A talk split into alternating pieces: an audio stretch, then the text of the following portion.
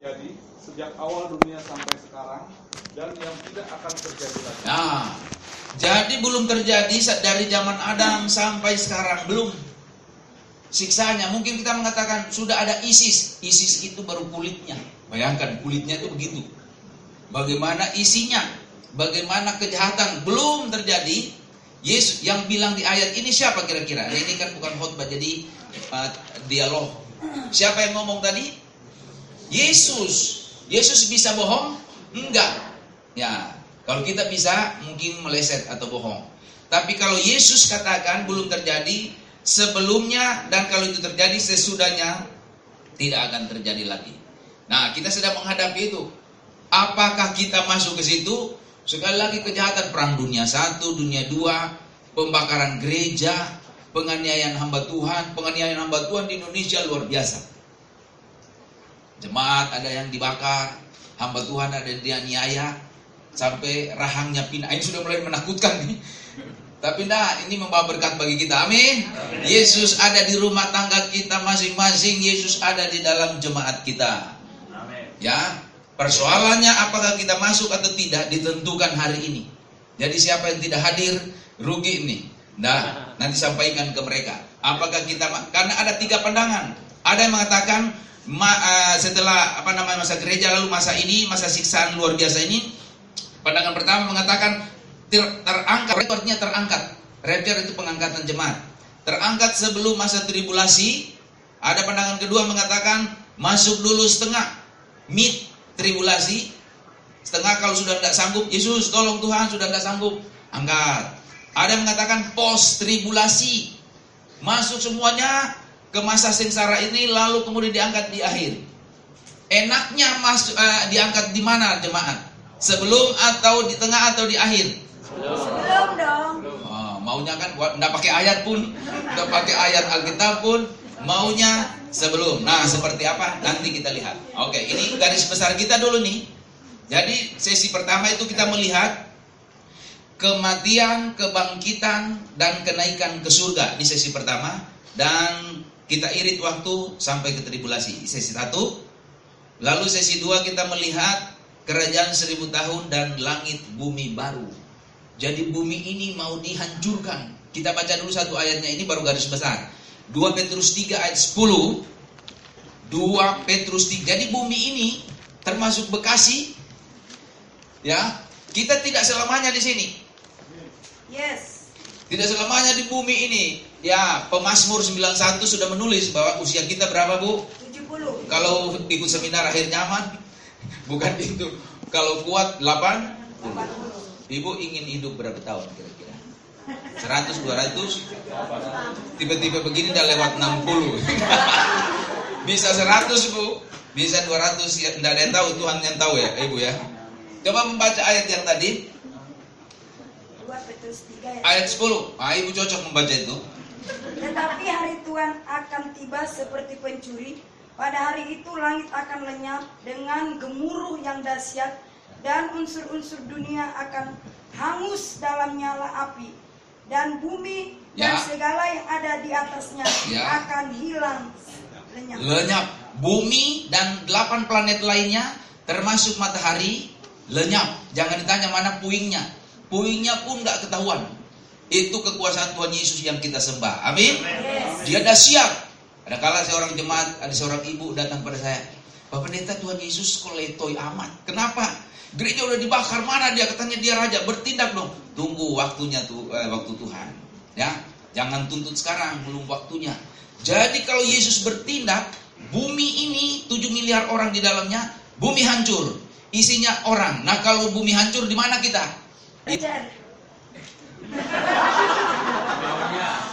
Bisa jadi pembicara rapture. ya, kalau bumi dihancurkan, semua-semuanya dihancurkan, rapture pun dihancurkan. Rapture kan di angkasa. Udara, semuanya dihancurkan. Nah, itulah kasih Yesus bagi kita. Kita akan dipindahkan ke langit bumi. Selama-lamanya di sini tidak ada lagi susah-susah ibu-ibu bayar anak SPP dan segala macam. Oh kalau di kalau di Bekasi tidak ada persoalan ibu-ibu susah semua sini makmur, amin. Yang di tempat kami banyak persoalan itu ibu-ibu yang anaknya nunggak di sekolah. Ah, kalau kita punya waktu, kita mau irit waktu. Ada orang bilang begini cuma, memang ini pelajaran. Kalau kita udah selesai ini kita kasih ijazah pak, ijazah. Ada orang bilang begini, akhir zaman itu kan dibuat oleh gereja. Tidak pernah ada cerita akhir zaman di dalam perjanjian lama atau nubuat. Kita melihat dalam waktu mungkin kurang dari 10 menit latar belakang atau nubuat akhir zaman. Membuka Daniel. Daniel 9. Jadi tentang akhir zaman, great tribulasi, kerjaan seribu tahun itu sudah diceritakan di dalam perjanjian lama. Ya, Daniel 9 membaca ayat yang ke-24 sampai 27. Ya, memang ini eh, sesi belajar, jadi banyak ayat yang kita buka. Ya, coba ibu baca. Daniel 9 ayat 24 sampai 27. 70 kali 7 masa Ya, telah ditetapkan atas bangsamu dan atas kotamu yang kudus untuk melenyapkan kefasikan, untuk mengakhiri dosa, untuk menghapuskan kesalahan, untuk mendatangkan keadilan yang kekal, ya. untuk menggenapkan penglihatan dan nabi, dan untuk mengurapi yang maha kudus. Maka ketahuilah dan pahamilah dari saat firman itu keluar, yakni bahwa Yerusalem akan dipulihkan dan dibangun kembali sampai pada kedatangan seorang yang diurapi, Ya. seorang raja ada tujuh kali tujuh masa dan enam puluh dan kali tujuh masa 62 lamanya kota itu akan dibangun kembali Terus. dengan tanah lapang dan paritnya tetapi di tengah-tengah kesulitan sesudah ke-62 kali tujuh masa itu akan disingkirkan seorang yang telah diurapi padahal tidak ada salahnya apa-apa Ya. maka datanglah rakyat seorang raja memusnahkan kota dan tempat kudus itu tetapi raja itu akan menemui ajalnya dalam air bah dan sampai pada akhir zaman dan akan peperangan dan pemusnahan seperti yang telah ditetapkan. Baik, terima kasih sampai di situ. kan 27. 27. Raja itu akan membuat perjanjian itu menjadi berat bagi banyak orang selama satu kali tujuh masa. Pada pertengahan tujuh masa itu, ia akan menghentikan korban sembelihan dan korban santapan dan di atas sayap kekejian akan datang yang membinasakan sampai pemusnahan yang telah ditetapkan menimpa yang membinasakan itu. Ya. Terima kasih Ibu. Wah, Ibu jangan jangan absen hari ini sampai sore karena Ibu menjadi daya tarik di sini. Nah, Tuhan Yesus menjadi daya, ta- daya tarik. Amin. Amin. Nah, ayat tadi atau bagian yang sudah kita baca itu berbicara tentang masa yang dinubuatkan. Sesudah masa itu maka terjadi kerajaan seribu tahun. Artinya pemulihan Israel dan dunia. Itu diucapkan oleh Daniel. Nubuat itu pada pemerintahan. Nanti kalau suatu saat kita belajar di kelas Alkitab, ada tuh Raja Artasastra. Waktu orang Israel dibuang ke pembuangan pada tahun 444 sebelum Masehi. Ada yang sudah lahir? Belum. Tapi ada sudah di hati Tuhan. Amin. Kita semua di hati Tuhan pada tahun ini bahkan sebelumnya. Nah, nubuat itu kesimpulannya begini. 70 kali 7 masa berapa tahun nih?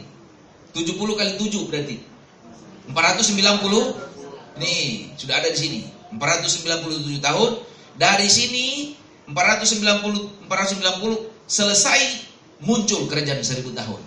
Nah apa yang terjadi? Ayat tadi mengatakan bahwa ya sudah terjadi berapa kali masa? 7 kali 7 masa 62 kali 7 masa. Berarti berapa kali masa nih memang ada hitungan sedikit. 69 kali 7 kita mau ingat matematika SD dulu nih. 7 kali 7 tambah 62 kali 7 sama dengan 69 kali 7 masa dari 444 tahun sebelum masehi mencapai 483 kalau dihitung jatuh pada tahun 33 masehi ayat 26 bilang apa pada saat itu yang diurapi itu apa dising Singkirkan. Padahal tidak ada apa tadi? Salahnya apa? Tidak ada Siapa yang diurapi? Kata dip- dipakai di sini adalah Masia atau Mesias. Yes. Yesus kan? Dibuktikan dengan sifatnya tidak bersalah atau tidak berdosa. Disingkirkan artinya disalibkan. Jadi nubuat itu tepat ditulis Daniel ratusan tahun sebelum Yesus. Nah, sudah terjadi 69 kali 7 masa.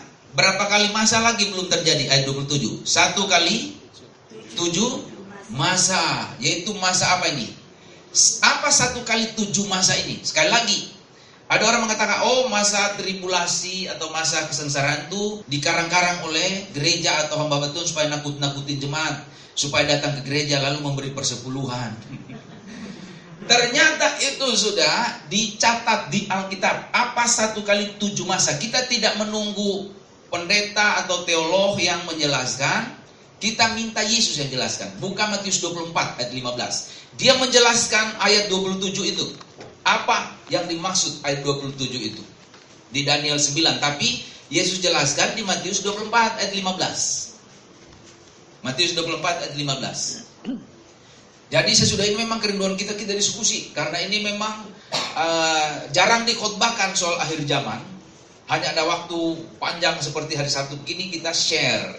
Mari, siapa yang boleh menolong kita membaca ayat yang ke-15 Matius 24? Atau kita baca sama-sama 2 3? Jadi apabila kamu melihat pembinaan di tempat kudus menurut firman firman yang disampaikan oleh Nabi Daniel, para Baca dan pembacanya memperhatikannya. memperhatikannya. Iya. Yesus itu yang katakan ini Yesus. Yesus bilang siapa orang di situ? Pembinasa keji. Siapa pembinasa keji? Anti. Kris. Yesus bilang menurut yang firman yang disampaikan oleh siapa? Daniel. Coba kalau Alkitab kertas di Al- Alkitab begini, ada nggak di bawah catatan di bawah ada Daniel 9 ayat 27? Ada kan? Ah, itu Yesus maksudnya ngomong begini. Yang saya omong di ayat 15 Matius 24 adalah penjelasan dari Daniel 9 ayat 27. Itu nama catatan kaki. Kalau bapak-bapak atau ibu penulis buku, biasanya di bawah ada catatan kaki itu berarti memberi reverse, mau referensi. Memberi referensi. Berarti yang ngomong ada antikris itu, masa antikris bukan gereja, bukan pendeta, bukan jemaat, bukan sekolah teologi, bukan keinginan kita supaya nakut-nakutin dunia, supaya gereja penuh, bukan. Tapi yang bicara yang jelaskan siapa? Yesus. Berarti ini valid. Ini betul bahwa ini ada tribulasi. Tujuh tahun. Sebenarnya kan kalau secara kronologi, sesudah ini kan langsung nyambung ke sini kan? Tapi kenapa tidak disambung? Ini persoalannya.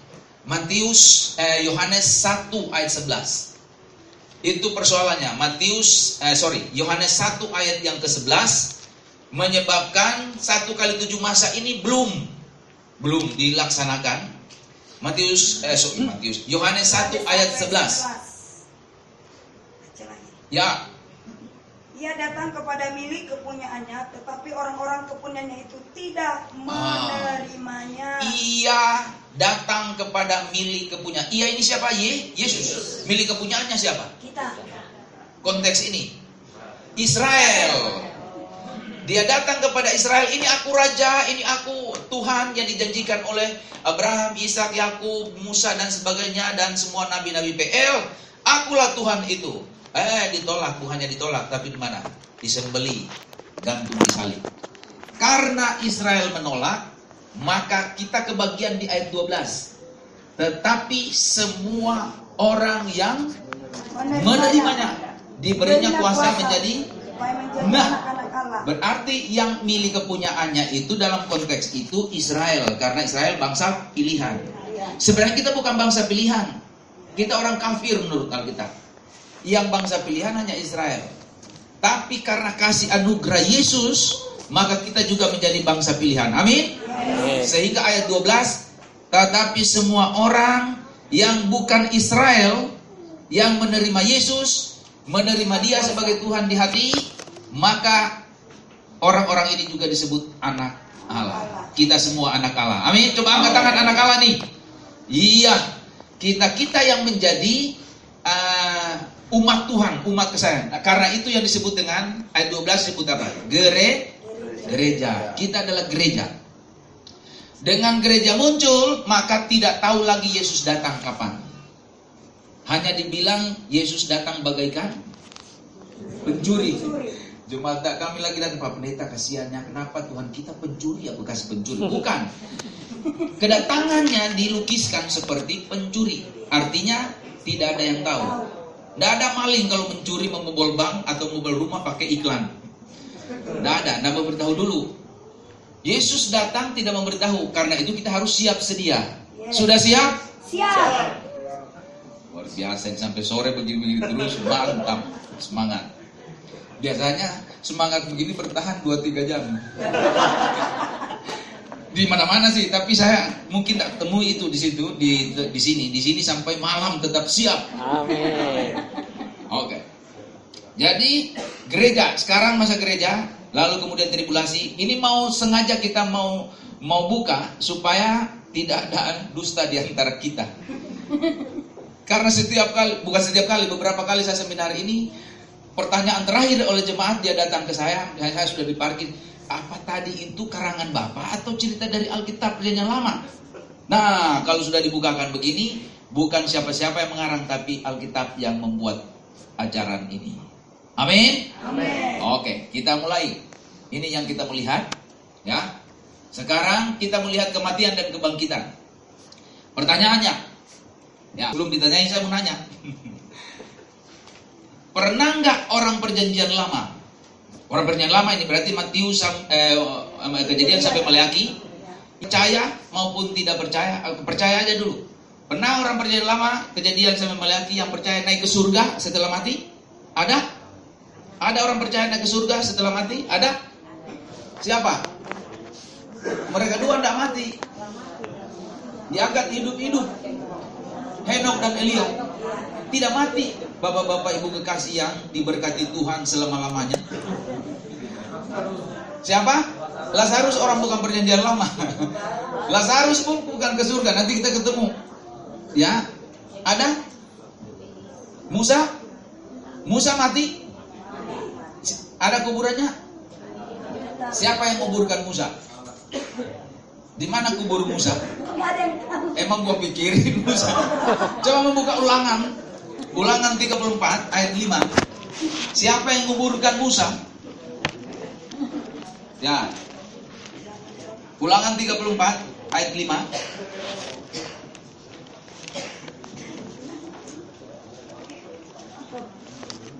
Siapa saja boleh dapat ayat ini atau ayat yang diminta boleh membantu kita.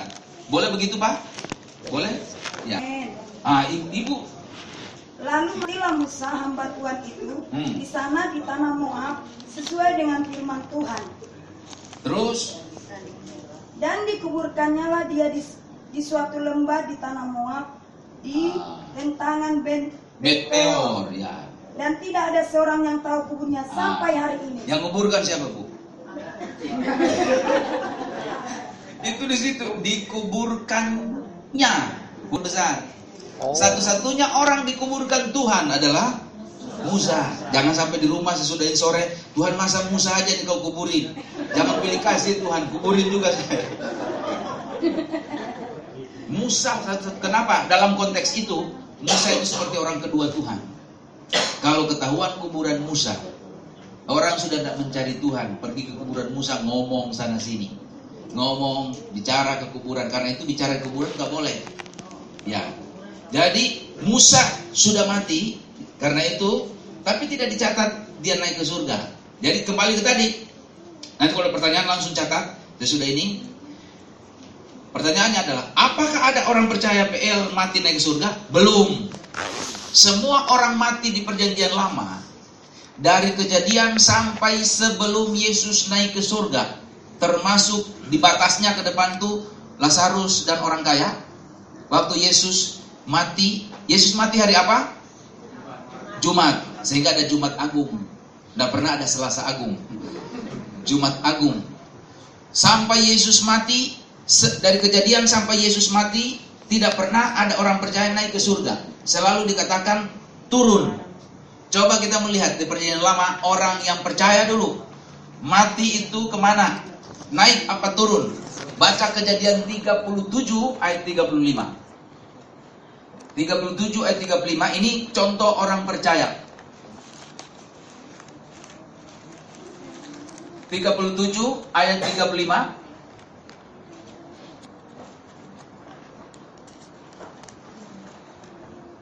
Silakan.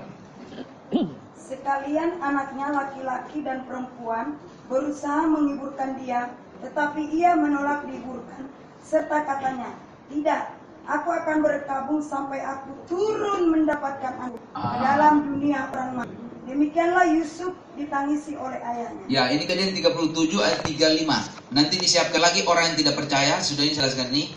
Orang yang tidak percaya dicer- dicerahkan di dalam bilangan bilangan 16 ayat 33. Nah, yang sudah dibaca tadi kira-kira siapa yang di- eh, dimaksud tadi?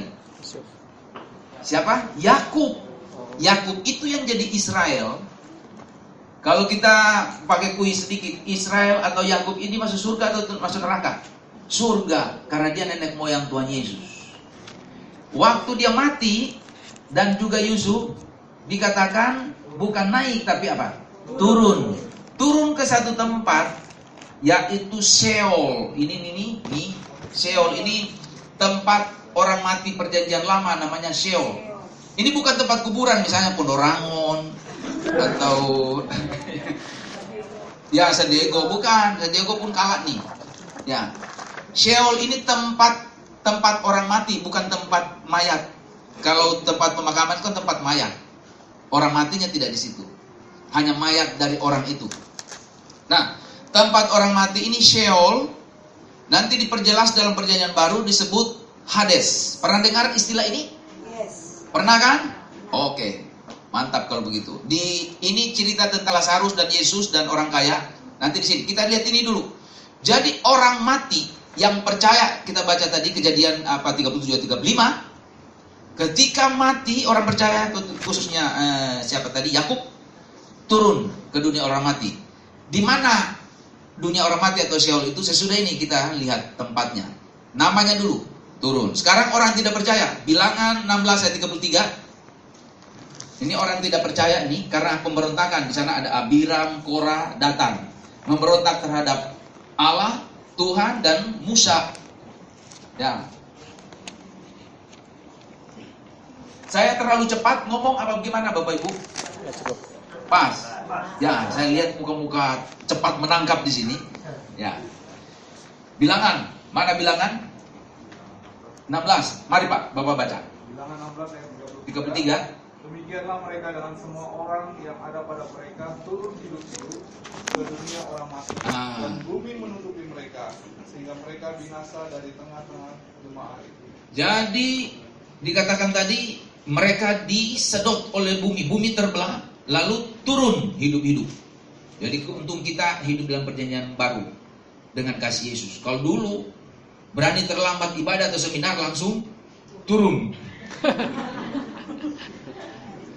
Sementara ibadah ngomel-ngomel ih khotbahnya panjang amat, enggak usah undang lagi pendeta itu turun. Tapi dengan Yesus banyak pengampunan. Dulu juga banyak pengampunan, amin. Tapi sempurnanya banyak pengampunan. Semua sudah ditanggung Yesus. Tapi jangan mentang-mentang sudah ditanggung oleh Yesus kita, saya na- nanya kita menyenangkan Tuhan. Ya, jadi dari perjanjian lama sudah ada data. Yang dibaca terakhir ini cerita tentang orang yang tidak terima Yesus. Juga turun di tempat yang sama, Sheol, cuman ada dua kamar. Satu kamar yang indah, yang nanti di cerita Yesus Lazarus disebut apa? Pangkuan Abraham. Itu orang untuk orang percaya. Yang mengerikan itu yang ada apinya di dalam cerita Yesus di orang kaya dan Lazarus itu disebut alam maut. Nih, alam maut. Nih, dua ini. Jadi dari kejadian dari zaman Adam sampai Yesus dalam cerita ini Lukas 16, kita ke Lukas 16 untuk memastikan tempat itu dan kita mencari tahu, ngecek ada nggak orang di perjanjian lama tersimpan di situ. Bapak sudah ngecek pak ya, orang perjanjian lama ada tersimpan di sana? Belum. Nah, kita membaca Lukas dulu. Lukas 16, 24, 25, eh, 22, 23, 24. Ayat 22 sampai 24. Bapak sudah temu, Pak? Mari. Lukas 16 ayat 22 sampai 24. sampai dengan 24. Kemudian matilah orang miskin itu lalu dibawa oleh malaikat-malaikat ke pangkuan Abraham. Ya. Ayat 23, orang kaya itu juga mati lalu dikubur dan sementara ia menderita sengsara di alam maut, ia memandang ke atas dan dari jauh dilihatnya Abraham dan Lazarus duduk di pangkuannya. Ayat 24, lalu ia berseru katanya, Bapak Abraham, kasihanilah aku, suruhlah Lazarus supaya ia mencelupkan ujung jarinya ke dalam air dan menyejukkan lidahku, sebab aku sangat kesakitan dalam nyala api ini. Iya. Jadi cerita yang di Seol ini diperjelas oleh Yesus. Seol artinya juga Hades, tempat orang mati. Tempat orang mati di sini seperti yang di dalam Seol, ini satu tempat namanya yang berbeda. Sudah dijelaskan secara rinci. Ternyata tempat yang indah yang menyenangkan itu pangkuan Abraham. Dan yang tidak menyenangkan disebut alam maut. Sudah ada apinya di sini? Ada, berarti ini neraka. Neraka ini belum, ini neraka sementara. Karena ada satu neraka kekal yang disebut lautan api. Coba membaca dulu Wahyu 20 ayat 15. Lalu mau jelaskan dua tempat ini. Wahyu 20 ayat yang ke-15. Ini berbicara tentang lautan api. Jadi ada neraka sementara, istilah kita nih, Lalu ada neraka yang selama-lamanya. Wahyu 20 ayat 15 bunyinya. Wahyu 20 ayat 15.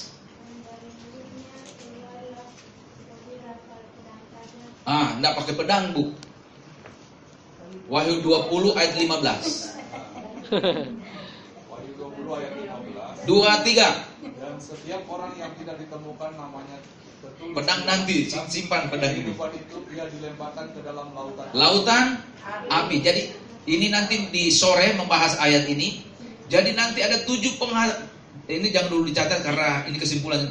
Ada tujuh pengadilan. Pengadilan ketujuh terakhir adalah tahta putih. Jadi di tahta putih itu membuka kitab hayat, kitab kehidupan.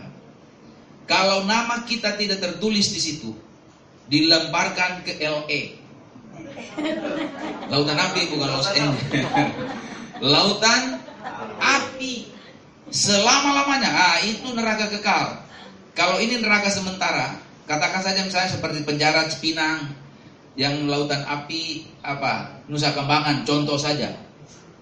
Jadi di sini kita sudah melihat ada siksaan yang luar biasa. Kalau ini diukur api berapa derajat, api berarti panas. Kalau air mendidih berapa derajat? Deh, 100. Ku bapak-bapak yang nyahut nih. Berarti ini suami-suami sayang istri berarti. Saya lihat ibu masih mikir-mikir tadi berapa derajat ya. Ya, melebur baja berapa derajat ini bagian ibu-ibu.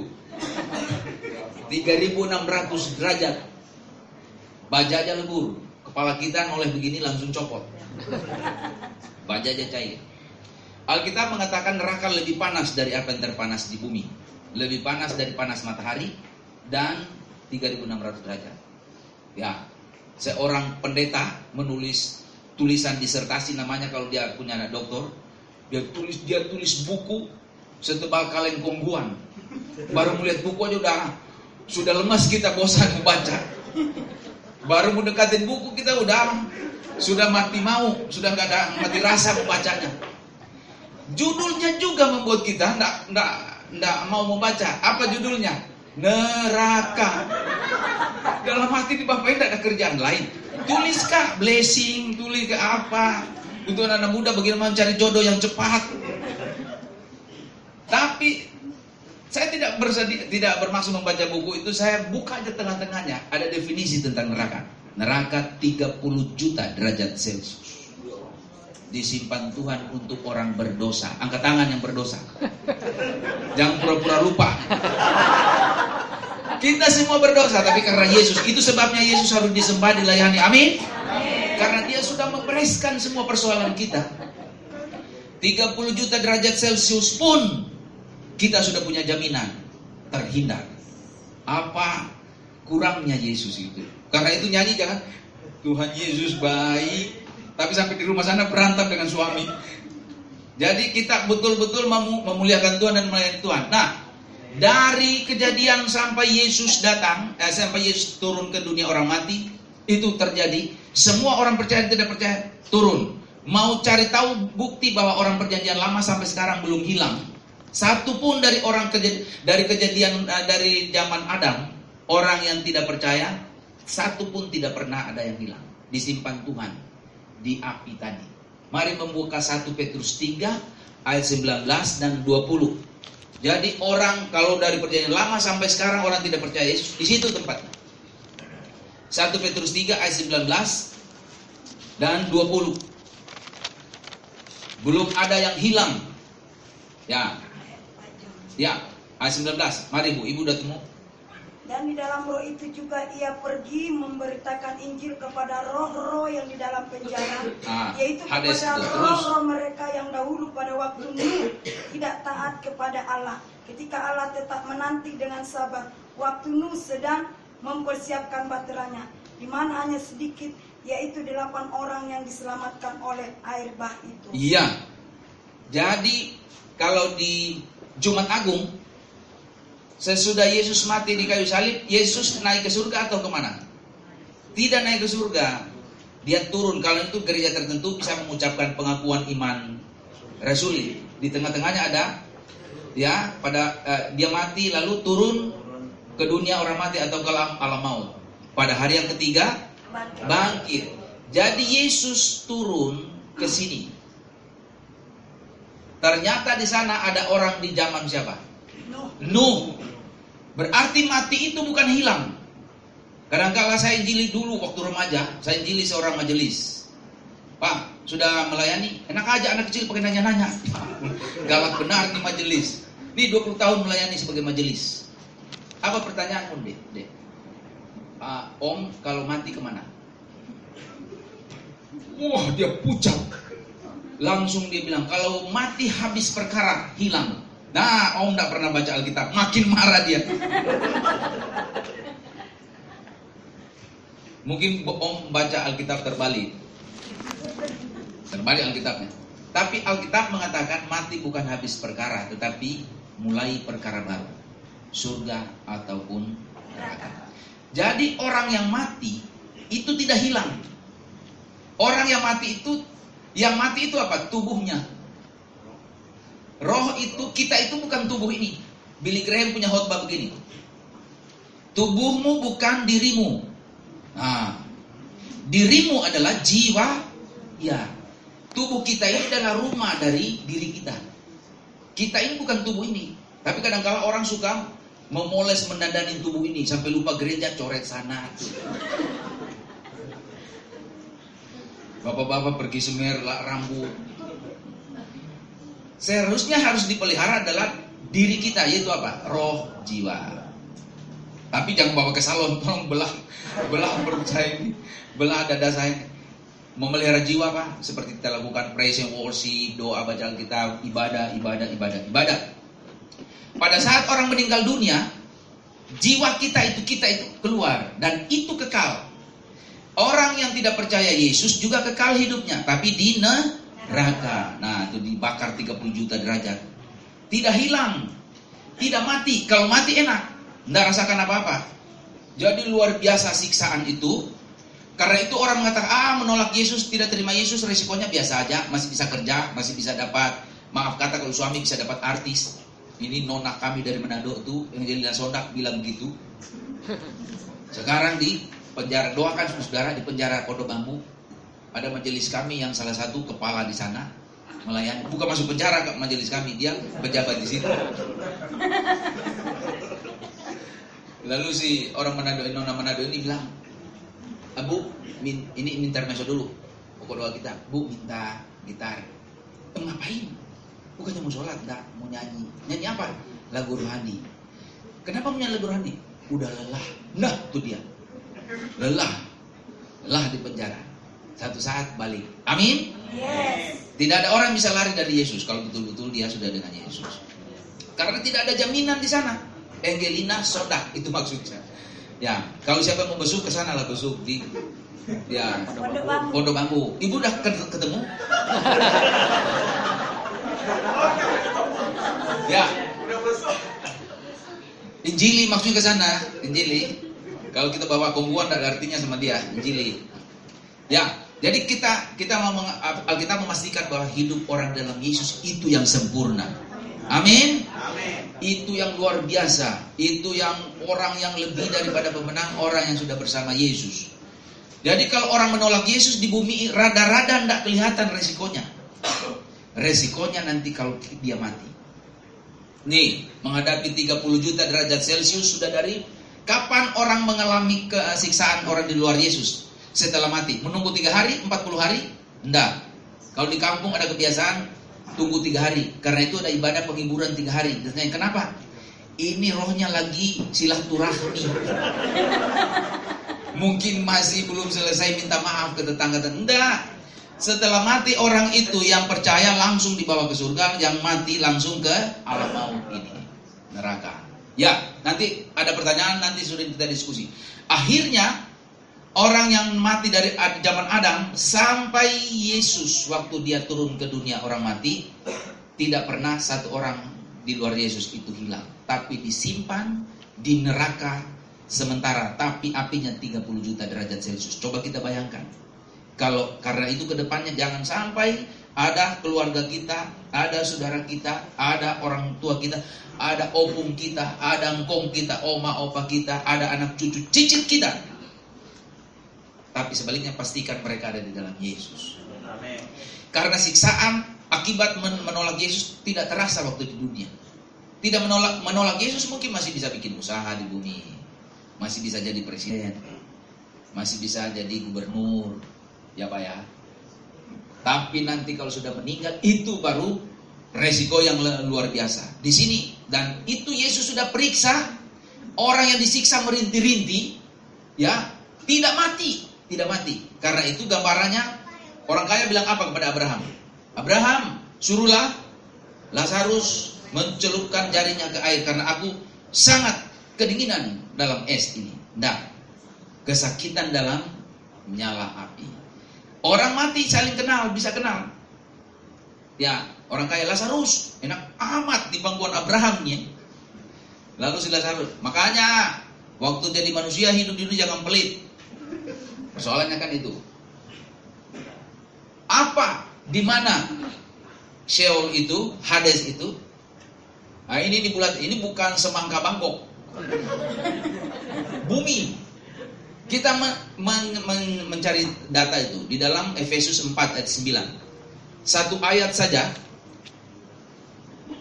Efesus 4 ayat 9. Tempat orang mati sementara ini yang kita mau lihat. Efesus 4 ayat 9.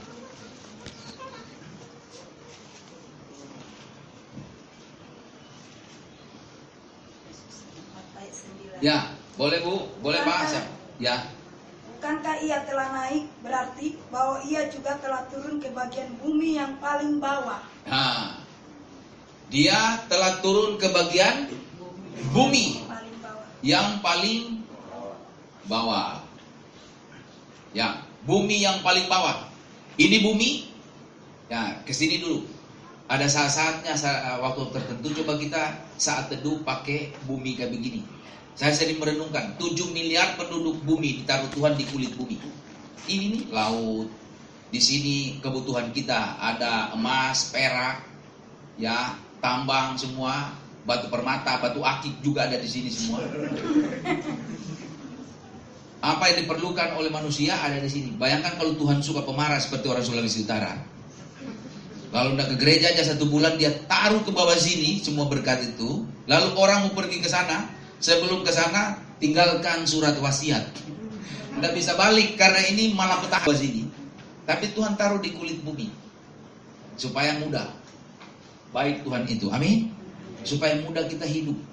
Ya, dia, dia tidak kocar kacirkan taruh di sini. Tuhan saya mau minta emas, nyelam aja ke sini. Langsung lebur seperti emas. Jadi saudara-saudara kita lihat di sini, ini bumi. Tapi dikatakan tadi di mana Sheol? Efesus 4 ayat 9 mengatakan di perut bumi. Ini ini. Ya. Ini ada beberapa bahasa-bahasa. Tidak usah, usah, usah kita baca. Tapi coba kita nekat membaca ini. Dua, tiga. Ini di bawah. Ini Efesus. ini bahasa Yunani, bahasa Yunani. Tidak usah itu. Ini penjelasan. Efesus 4 ayat 9. Ya. Efesus 4 ayat 9. Ini terjemahan bahasa Inggrisnya.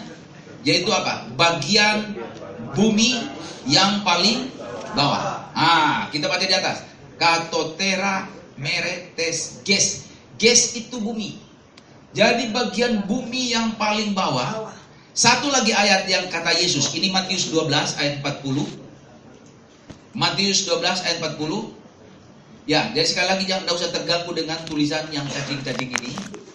Kita melihat bahasa Indonesia-nya ini, lalu ada salinannya bahasa ini. Tapi di sini lebih jelas Yesus katakan Matius 12 ayat 40 bunyinya.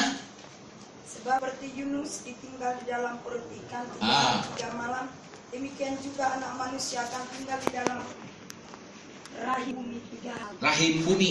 Sudah kata rahim bumi ini nih. Ini bumi kardia, kardia apa? Kardiologi. Jantung. Kalau ke dokter itu ilmu tentang jantung ya. Jadi jantung atau hati pusat bumi. Nah, dengan demikian kita sudah ketemu di sini tepat. Ya, disimpan Tuhan di sini di tempat pembinasaan. Tapi yang percaya Yesus di pangkuan Abraham. Oke, kita terus. Kita lihat. Setelah itu kita melihat orang yang mati di dalam Kristus di zaman gereja. Kalau tadi orang mati dari zaman Adam sampai sebelum Yesus naik ke surga. Alkitab mencatat begini. Setelah Yesus naik ke surga, maka orang mati di dalam Yesus zaman gereja berarti, tidak lagi ke Hades. Tapi langsung naik ke surga. Sedangkan orang yang tidak percaya Yesus seperti penyanyi lama turun ke Hades, tempat pembinasaan sementara, tapi sudah neraka. Sekali lagi, setelah Yesus naik ke surga, Yesus sudah naik ke surga, amin. Ya, Sudah kita rayakan ya beberapa bulan lalu. Maka sejak itu orang mati di dalam Yesus naik ke surga. Mari kita lihat tiga ayat. Filipi 1 kita catat dulu. Filipi 1 ayat 23. Sekali lagi, Filipi 1 23 dan 2 Korintus 5 ayat 8. 2 Korintus 5 ayat 8, lalu 2 Korintus 12 ayat 2 sampai 4. Nah, ini tiga bagian ayat yang menjelaskan orang percaya Yesus mati sudah bukan lagi ke Hades. Bukan lagi turun, tapi naik. Oke. Kita membaca satu persatu ayat ini. Filipi 1:23. Filipi 1 ayat 23. Ya. Aku didesak dari dua pihak. Aku ingin pergi dan diam bersama-sama dengan Kristus. Itu memang Ah. jauh lebih baik. Aku ingin pergi. Menurut ayat ini apa maksudnya? Ingin pergi artinya mati. Jadi Paulus itu mau mati dia. Karena mati bagi dia adalah untung. Hidup bagi Kristus. Tapi kadang-kala manusia pada umumnya tidak suka mati. Tapi sesudah ini jangan kita minum baygon, lalu bunuh diri. Kita masih ada banyak pekerjaan yang diberikan Tuhan untuk melayani dia. Ayat tadi mengatakan bahwa dia mati, kalau mati mana? Ingin pergi bersama Kristus. Yesus di mana waktu ayat ini ditulis? Sudah naik ke surga. Itu gambaran bahwa orang yang meninggal dunia di zaman gereja ini naik ke surga. Ya. Satu ayat lagi. Eh dua ayat. Di ayat kedua sekarang. 2 Korintus 5 ayat 8. Tetapi hati kami tabah dan terlebih suka kami beralih dari tubuh ini untuk menetap pada Ya. Tuhan. Beralih dari tubuh ini artinya keluar dari tubuhnya mati ini. Menetap dengan Tuhan di surga, naik ke surga. Ya. Bagian ketiga atau titik ketiga. Nah, di sana lebih jelas karena di sana ada istilah Kristen. Orang Kristen. Sama dengan kita sekarang orang Kristen. 2 Korintus 12 ayat 2 sampai 4. Agak Aku panjang. tahu tentang seorang Kristus. Kristen. Kristen. 14 tahun yang lampau, entah di dalam tubuh aku tidak tahu, entah di luar tubuh aku tidak tahu. Allah yang mengetahuinya. Orang itu tiba-tiba diangkat ke tingkat yang ketiga dari surga. Aku juga tahu tentang orang itu, entah di dalam tubuh, entah di luar tubuh, aku tidak tahu. Allah yang mengetahuinya. Ia tiba-tiba diangkat ke Firdaus dan ia mendengar kata-kata yang ter- terkatakan, yang tidak boleh diucapkan manusia. Ya. Eh, ayat itu menyimpulkan bahwa di zaman gereja ini nih ada kotak ini dari dari sini ketika orang percaya mati tidak lagi ke sini tapi ke sorga. Ingat, ini kira-kira tubuhnya atau rohnya yang dimaksud? Roh. Nanti roh itu akan disatukan dengan tubuh baru. Sesudah ini kita akan lihat. Oke. Jadi rohnya naik ke surga. Itu kan terlihat pada kalau ada gembala sidang atau pendeta memakamkan jemaat yang meninggal. Atau siapa memberi eh, sambutan khususnya hamba Tuhan pendeta. Kalau memakamkan kan pasti ada kalimat ini. Ya biarlah keluarga yang ditinggalkan jemaat memang secara manusia kita berduka. Tapi percayalah bahwa keluarga yang kita kasih sudah bersama Yesus di sorga. Kan begitu. Nggak pernah ada pendeta zaman sekarang tidak usah bersusah-susah jemaat karena keluarga kita ini sudah pergi ke Hades. Ya, kalau ada pendeta begitu, ya, tangkap rame-rame, kita bawa kepada Tuhan Yesus. Oke? Jadi orang yang di dalam Yesus langsung naik ke surga, rohnya. Rohnya ini. Kalau begitu kita zaman sekarang ini yang masuk di dalam era gereja. Meninggal dunia tapi jangan dulu meninggal. Suatu saat meninggal dunia langsung ke surga. Oke? Kita lihat apa yang terjadi. Nah, ini kembali ke tadi. Orang ke Hades seperti ini nih. Ini di sana kuning bukan karena kemarau panjang. Ini api. Ini gambaran saja. Api. Bagaimana hidup begini? Di bawahnya ini ada lahar. Jadi mereka ada di atas lahar, di pinggir sini lahar, di sini api. Selama-lamanya panasnya 30 juta derajat tidak mati, tidak dimatikan Tuhan. Sampai di rumah kita pasang kompor. Kita mencoba. Ya. Ya, pasang kompor, nyalanya biru. Lalu tangan kita taruh. Pakai lagu haleluya, haleluya. Belum bait satu udah di ICU. Kecuali Tuhan bikin mujizat. Itu belum 500 derajat api. Tapi ini 30 juta dera- juta derajat karena lebih panas dari apa yang terpanas di bumi, lebih panas dari panas matahari. Dipakai Tuhan untuk menyiksa orang yang tidak di dalam Yesus. Jadi resiko orang yang di luar Yesus tidak mau menerima Yesus nanti terasa ketika dia meninggal. Ya, karena itu berbahagialah kita dan keluarga kita ada di dalam Yesus. Amin. Amin. Jadi Alkitab tidak menakut-nakuti, kita mengucap syukur. Itu sebabnya Paulus bilang begini, kalau mati untung. Kalau hidup, aku hidup bagi Kristus. Jadi kalau khotbahnya, aplikasi di dalam khotbah, kalau kita hidup, pastikan kita tidak sia-sia apa yang kita lakukan. Semua mempermuliakan Tuhan. Amin. Amin. Ketika kita kerja kantor, kita buka usaha, kita melayani, kita melakukan apa saja, ibu rumah tangga, bapak rumah tangga, pastikan apa yang kita buat mempermuliakan Tuhan. Yes. Karena Tuhan jamin kita tidak akan mengalami seperti ini. Nih orang semua sama mukanya, bentuknya. Tidak ada kesempatan lagi mau berkenalan, kamu muncul dari mana? Siapa nenek moyangmu? Jadi semua menanggulangi dirinya dengan kesakitan, dengan siksaan. 30 juta derajat Celcius, tidak mati dan tidak padam apinya. Berapa lama? Selama-lamanya. Selama-lamanya. Selama-lamanya. Seperti ini. Oke, tapi kita ini bayangkan begini, dirangkul oleh Tuhan. Katakan pangkuan Abraham. Nanti ada pertanyaan pangkuan Abraham di mana dan siapa dan seterusnya sesudah ini. Oke. Lalu kemudian kita melihat apa? Rapture. Oke, okay. rapture itu ya kita membuka ayat nih 1 Tesalonika 4 ayat 16 17.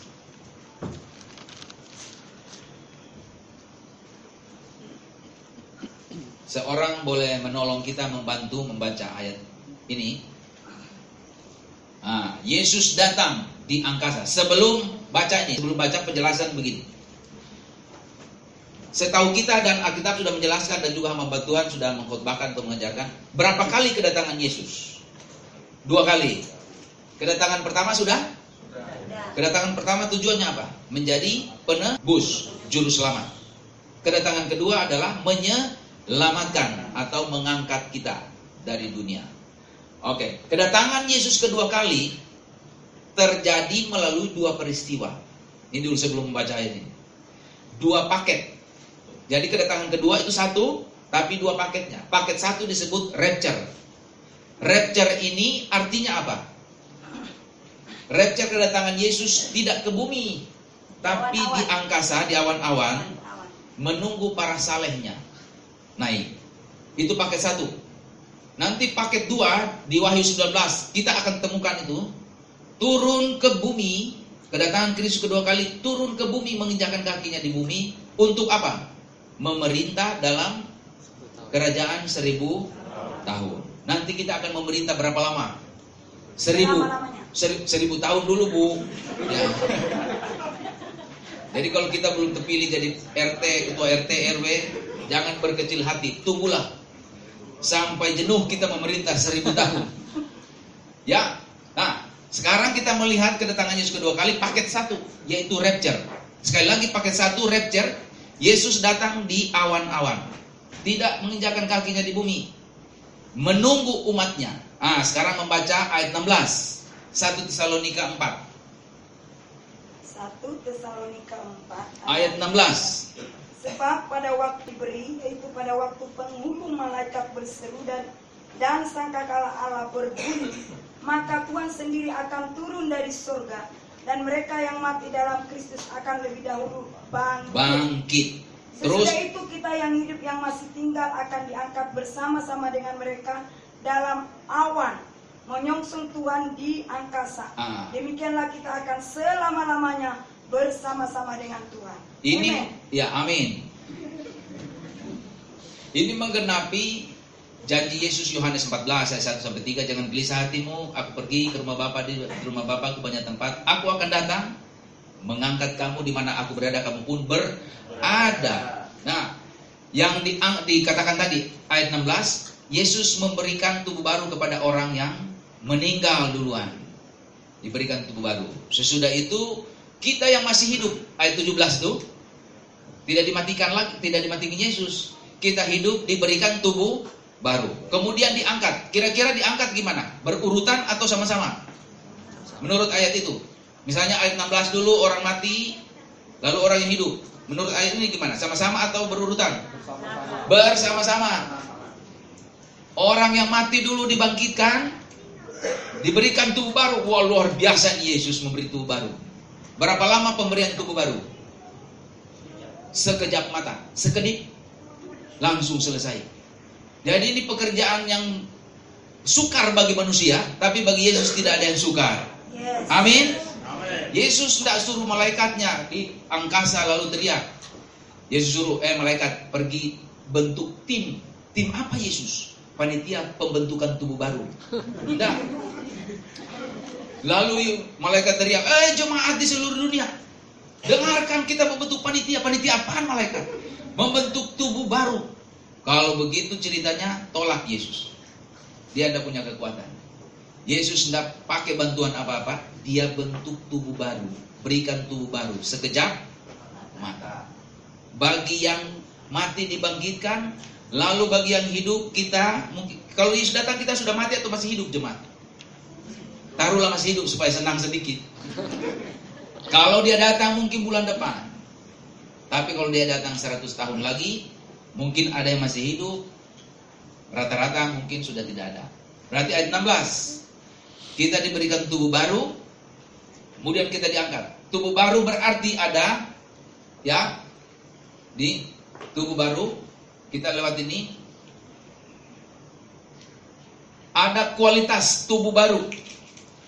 Pertanyaannya, tubuh ini adalah tubuh yang fisik seperti ini, raba bisa disentuh, bisa dilihat, tubuh hampa. Tubuh kemuliaan. Ayat tubuh kemuliaan itu terbuat dari fisik begini atau tidak bisa dilihat, tidak bisa disentuh. Bisa dilihat?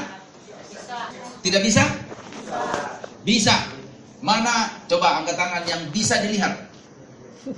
Mengecek, menentukan masuk surga atau tidak? Tidak, tidak, tidak. Iman saja. Dalam arti bukan iman nih, pemahaman iman kita kepada Yesus. Tubuh ini tubuh yang fisik seperti ini atau tubuh yang abstrak. Abstrak ini tidak bisa dilihat, tidak bisa disentuh. Bayangan. Yang bayangan, bayangan. Mana? Yang tadi begini-begini, bagaimana? Coba angkat tangan yang bukan bayangan, fisik. Fisik. Ah. Yang lain golput yang paling banyak. Saya tahu nih di hari ini hanya nebak-nebak aja. Saya menunggu apa kesimpulannya. Nanti salah angkat masuk neraka lagi. Ya. Kita dibangkitkan seperti tubuh siapa? Ada ayatnya? Di mana? Filipi 3 ayat 21. Iya, ada di situ ya. Mari membaca. Fantastis, luar biasa jemaat di sini. Kalau di kumpulan ibu-ibu nih 150 ibu-ibu seminar ini saya tanya, ada ayatnya bu? Ada. Di mana di Alkitab? Ayat mana? Pak Pendeta jangan cari. Filipi 3 ayat 21.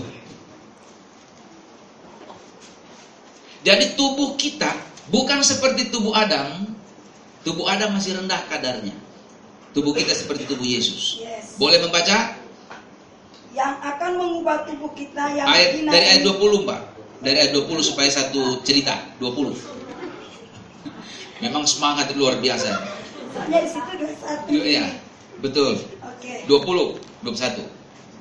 Karena kewargaan kewargaan kita adalah di dalam surga dan dari situ juga kita menantikan Tuhan Yesus Kristus sebagai juru selamat yang akan mengubah tubuh kita yang hina ini sehingga serupa dengan tubuhnya yang mulia Amin. menurut kuasanya yang dapat menaklukkan segala sesuatu kepada dirinya. Ya.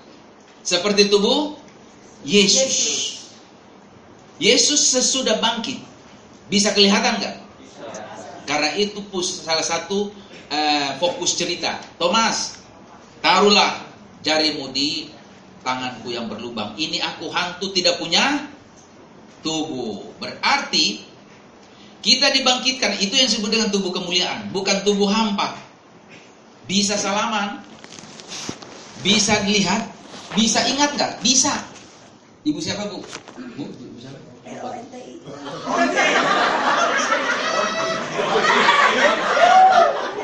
Ibu Ogi. Ibu ROTI. Surga itu udah tercatat bu. Ibu ROTI. Di surga kita ketemu masih ingat kak seminar di bumi anggrek. Kalau ibu tidak ingat turun ke surga. ya. Jadi kita bisa ingat dan bisa dilihat tubuh seperti ini. Ha- dan muka tidak berubah. Muka tetap sama. Saya dengan Pak Luki tidak bakalan berubah seperti Michael Jackson dan John Lennon. Tetap aja. Tujuannya apa? Supaya bisa dikenal. Yang berubah apa? Kualitasnya. Kualitas kita seperti kualitas tubuh Yesus. Ini dia. Karena kualitas supaya ada hukumnya hitam di atas putih membuka 1 Korintus 15 ayat 42b dan 43. Itu data Alkitab tentang kualitas tubuh baru. Ya. Kualitas tubuh baru. Ini jadi ini salah satu aset atau harta surgawi orang percaya yang kita renungkan selama di bumi. Membaca ayat 42b. Bapak sudah temukan atau siapa 42b? Ada tiga ada tiga kualitas tubuh baru. Ya, 42B ditaburkan dalam kan begitu bacanya. Yes. Mari Bu, Ditaburkan dalam kebinasaan, dibangkitkan dalam ketidakbinasaan. sampai di situ dulu. Ditaburkan artinya apa? Lahir secara jasmani fisik, secara alami bisa binasa, tapi setelah dibangkitkan tidak binasa. Kualitas pertama tidak mati lagi. Selama-lamanya tidak mati seperti Yesus. Jadi kalau mau tanya, apakah tubuh baru itu tubuh kebangkitan bisa mati? Tanyakan aja, apa Yesus bisa mati lagi? Apa Allah bisa mati? Enggak. Jadi usia kita seusia Tuhan. Tapi kita bukan Tuhan. Kalau kita melaksanakan hari ulang tahun sampai habis pabrik kue di pabrik ulang tahun, enggak selesai-selesai ulang tahunnya, enggak berakhir. Usia terus menerus selama-lamanya tidak mati. Ya. Ayat 43a ditaburkan dalam Ditaburkan dalam kebinasaan, dibangkitkan dalam kemuliaan. mulia. Jadi ketika tubuh baru diberi- diberikan tidak lagi dosa. Tidak ada dosa. Kita mulia. Kalau sekarang kan ada dosa. Karena itu ada upah dosa ialah Mau. maut. Sehingga maut tidak lagi berkuasa. Jadi dibangkitkan tidak lagi ada dosa. Kalau kita biasanya walaupun sudah terima Yesus bisa suka marah, bisa suka iri hati. Di sini enggak. Kalau di jemaat kami banyak. Ya, bisa suka dendam, bisa suka saling menyalahkan. Itu kan ciri-ciri tubuh atau manusia dosa. Tapi ketika kita dibangkitkan, kita sudah seperti tubuh Yesus. Yesus punya dendam? Enggak. Orang membunuh dia pun dia doakan tombaknya supaya tajam terus. Menombak dia dalam arti mengampuni Yesus. Yesus mengampuni dia. Ketiga, 43b, Ditaburkan dalam kelemahan, dibangkitkan dalam kekuatan. kuat. Kuat. Jadi tidak mati, tidak berdosa, kuat, tidak sakit. Ibu-ibu misalnya bapak-bapak termasuk salon, tidak lagi masuk salon, cat rambut atau apa. Dokter pun tidak laku dalam arti tidak ada lagi rumah sakit karena kita tidak lagi mengalami kesakitan. Jadi tidak binasa, tidak dosa, kuat. Wah, luar biasa. Inilah tubuh yang disiapkan Tuhan bagi kita. Amin. Baik Yesus itu amin. Coba kita tepuk tangan dulu bagi Kristus yang luar biasa. Ya. Ya, kadang-kala kalau misalnya ada persoalan dan masalah, itu lupakan dulu kita ingat kebaikan Yesus memelihara kita. Hidup kita di dunia ini 70, 80 sampai 100. Tapi selama-lamanya kita disiapkan tubuh baru. Ya. Untuk apa tubuh baru setelah ketemu Yesus ya? Kita langsung naik ke surga. Tapi surga tidak ada tangga begini nih. Oh, ya. Waktu seminar di satu tempat ibu-ibu ibu lagi yang menanya, Pak Pendeta masa ke surga kita naik tangga ya? Ini asam urat saya ini Pak Pendeta. Ini lukisan aja Bapak Ibu, tidak naik pakai tangga, langsung plok naik ke surga. Eskalator pun nanti bisa kejepit kalau eskalator. Nah, dia langsung naik bersama-sama Yesus. Sesudah ini kita diskusi. Ah, setelah tiba di sorga, pengadilan pertama untuk orang percaya. Pengadilan ini bukan menentukan keselamatan karena kita sudah selamat. Ini menentukan apa? Membuka 2 Korintus 5 ayat 10. Ya. 2 Korintus 5 ayat 10. Sesudah ini kita bisa buka tanya jawab untuk sesi. 2 Korintus 5 ayat 10. Sebab kita semua harus menghadap tata pengadilan Kristus supaya setiap orang memperoleh apa yang patut diterimanya sesuai dengan yang dilakukannya dalam hidupnya ini baik ataupun jahat. Iya. Jadi ini bema. Bema diterjemahkan oleh Alkitab di situ apa? Pengadilan Kristus. Ada kan? Pengadilan Kristus. Bema ini ternyata ini kursi wasit. Mungkin eh, Paulus ini suka nonton Olimpiade kuno. Kursi wasit seperti bulu tangkis, wasitnya agak tinggi, pemainnya di bawah. Nah, setelah selesai main, main apa saja khususnya bulu tangkis, pemainnya menghadap wasit. Lalu ini bema namanya bema. Kemudian sang wasit langsung memberikan hadiah. Nih, hadiahmu satu. Dia, kenapa cuma satu? Temanku dapat sembilan. Dilihat nih, catatanmu kamu main tadi jelek. Oh iya, dia sembilan dengan sukacita. Kenapa? Baik. Nah, saudara-saudara kita ke surga akan menerima pahala. Jadi keselamatan bukan mahkota. Keselamatan itu anugerah. Anugerah artinya apa? Pemberian cuma-cuma kepada orang yang Saya. Memang percaya kepada orang yang kalimat pendek terakhir itu menentukan tidak layak kalau dapat lagi tambahannya tepat minta hadiah sama Pak Gembala kepada orang yang tidak layak menerima itu anugerah selamatan jadi keselamatan bukan karena kehebatan kita tapi pemberian tuh Tuhan. Sedangkan mahkota adalah sesuatu atau pemberian yang diberikan kepada orang yang layak menerima. Jadi sa- sampai di sorga kita dapat mahkota hasil perbuatan kita di dunia. Nih, ada lima mahkota, lima mahkota. Jadi setelah kita diselamatkan, setelah kita terima Yesus, kita berbuat baik sebaik-baiknya. Bukan untuk merebut, tapi menemukan mahkota. Ini mahkotanya. Ya, ada mahkota, ada ini, ini plusnya kita berarti bonus. Yang pertama, mahkota abadi. Ini mahkota yang sukar ditemukan. Karena mahkota ini diberikan kepada orang yang apa? Hidup suci. Jadi harus suci hidup, harus kudus. Rumah tangga harus kudus. Ya. Pokoknya harus suci, kehidupan kita harus suci. Ah, ini mahkota yang sukar. Tapi kita bisa melakukannya kalau kita memiliki kekuatan Tuhan. Amin. Mahkota kedua, mahkota kemegahan. Ini ayatnya nanti bisa baca di rumah karena kita mengirit waktu. Ayat-ayat ini menjelaskan mahkota kemegahan diberikan kepada orang yang memberitakan Injil. Jadi terlibatlah dalam pemberitaan Injil. Ya. Dapat mahkota memberitakan Injil. Saya dengan penggembala atau jemaat pergi menginjil, kita dapat mahkota. Mahkota ketiga adalah ah, ini mahkota ah, ah, apa namanya konon ini mahkota yang mudah kita dapat. Mahkota kebenaran yaitu diberikan kepada orang yang merindukan kedatangan Yesus kedua kali. Jadi kedatangan Yesus harus diyakini, diimani, dirindukan. Jangan kita ya pesimis artinya oh terserah kalau ditanya Yesus mau datang kedua kali nggak kira-kira? Nggak tahu, memang urusan saya.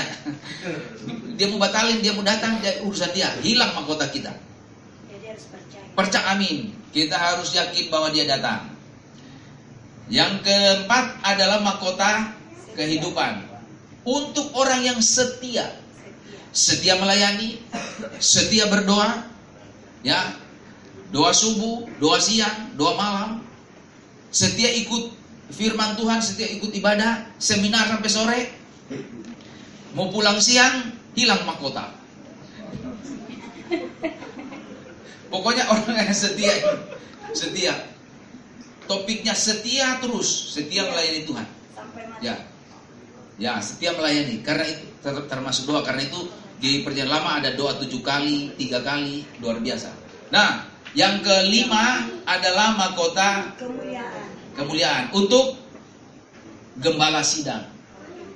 Jadi untuk gembala, kalau di sorga jangan minta-minta yang bukan gembala. Jadi mahkota ada lima ini paling banyak kepala sidang. Jangan-jangan kepala sidang tempat lain hanya dapat satu. Tapi kalau para gembala melakukan dapat lima, minimal kita dapat dua, tiga, dan seterusnya. Haleluya, puji Tuhan Haleluya. mahkota. Nanti untuk apa mahkota itu sesudah ini kita lihat. Ya. Jadi kita lihat di sini bahwa setelah dalam perjanjian lama orang meninggal dunia sudah tahu tempatnya, lokasinya. Sekarang kita juga tahu tempatnya, kapan kita kalau misalnya kita sudah meninggal dunia, ke mana orang yang di, di luar Yesus ke mana? Kita sudah jelas. Di sorga kita menghadap berkat Tuhan yaitu bema. Mari kita tanya jawab dulu, kita diskusi supaya tidak hilang apa yang kita share sama-sama. Mari. Ya, ada yang mau Mari, Pak. Bapak Ibu? Atau mungkin eh, malah bengong? Tadi dijelaskan hampir satu jam. Nggak ada yang dicatat? Atau mungkin baru mau cari pertanyaan yang lebih tepat gitu? Atau mungkin ada yang mau tanya, loh Tuhan Yesus kalau di awan-awan berarti duduk di mana Pak gitu? tadi kan dijelaskan sama Welly itu, Tuhan itu nanti di dalam apa tadi dikatakan? Ayo. Saya masih ingat tadi. Di tahap yang pertama tadi atau yang di mana tadi? Yang di rapture tadi, Tuhan tuh nggak sampai bumi loh. Ya. Awan- Kan gitu kan di awan-awan. Awan-awan. yang banyak duduknya di mana Pak gitu. Atau Tuhan itu pakai sayap kah atau mungkin seperti apa gitu. Siapa tahu ada yang mau tanya, ya. Tanya apa saja. Ya. Sudah banyak banget tadi yang disampaikan harusnya Bapak Ibu ada yang mencatat, mungkin ada yang eh, belum jelas bisa ditanyakan gitu ya. Ya, ini Pak Boy mau bertanya silakan Pak Boy. Pak Cuan itunya nggak ada lagi ya, versi satu ya? Baik, terima kasih Pak. Saya agak ini dengan ayat tadi Pak mengenai rapture. Ya. Tesalonika 4 Pak. Ayat 16 sampai 17. Ya. Sini berarti ceritanya. Mari Saya Pak. baca lagi Pak ya. Ya. 16 sampai 17. Ayat 16 sebab pada waktu tanda diberi yaitu pada waktu penghulu malaikat berseru dan sangkakala Allah berbunyi maka Tuhan sendiri akan turun dari sorga dan mereka akan mati dalam Kristus yang lebih dahulu bangkit. Bangkit. Pertanyaan saya Pak begini. Orang tua saya kan dari panggil Tuhan. Ya. Jadi saya bertanya, ya kita percaya bahwa itu akan Tuhan pasti akan panggil. Nah kalau tadi ada di slide tadi, itu di mana orang tua saya? Oke. Dan kalau nanti kita kita ini, kalaupun nanti ada rapture kita diangkat, kita kita tidak tahu karena Hmm. Firman berkata dia datang seperti pencuri. Siap nggak siap harus siap. Nah orang tua pasti punya anak-anak, Pak Ya. keluarga. Apa saya harus mengingat istri saya, anak-anak saya itu harus pingin juga harus bersama-sama dengan saya waktu Tuhan Yesus datang. Ya. Itu aja pertanyaan saya. Oke. Baik. Ya terima kasih Pak Boy. Kalau pertanyaan Bapak orang tua dulu Pak ya. Orang tua sudah meninggal Pak ya. Ya. Berarti ini di zaman ini pasti meninggal sesudah Yesus naik ke surga. Yes. Ya Pak ya. Tadi semua orang percaya di zaman gereja rohnya setelah mati langsung ke mana? Surga. Berarti sudah di surga Pak. Menggenapi janji Tuhan Matius eh, Yohanes berapa? 14 ayat 1 3 pergi ke sana menyediakan tempat di surga tapi rohnya.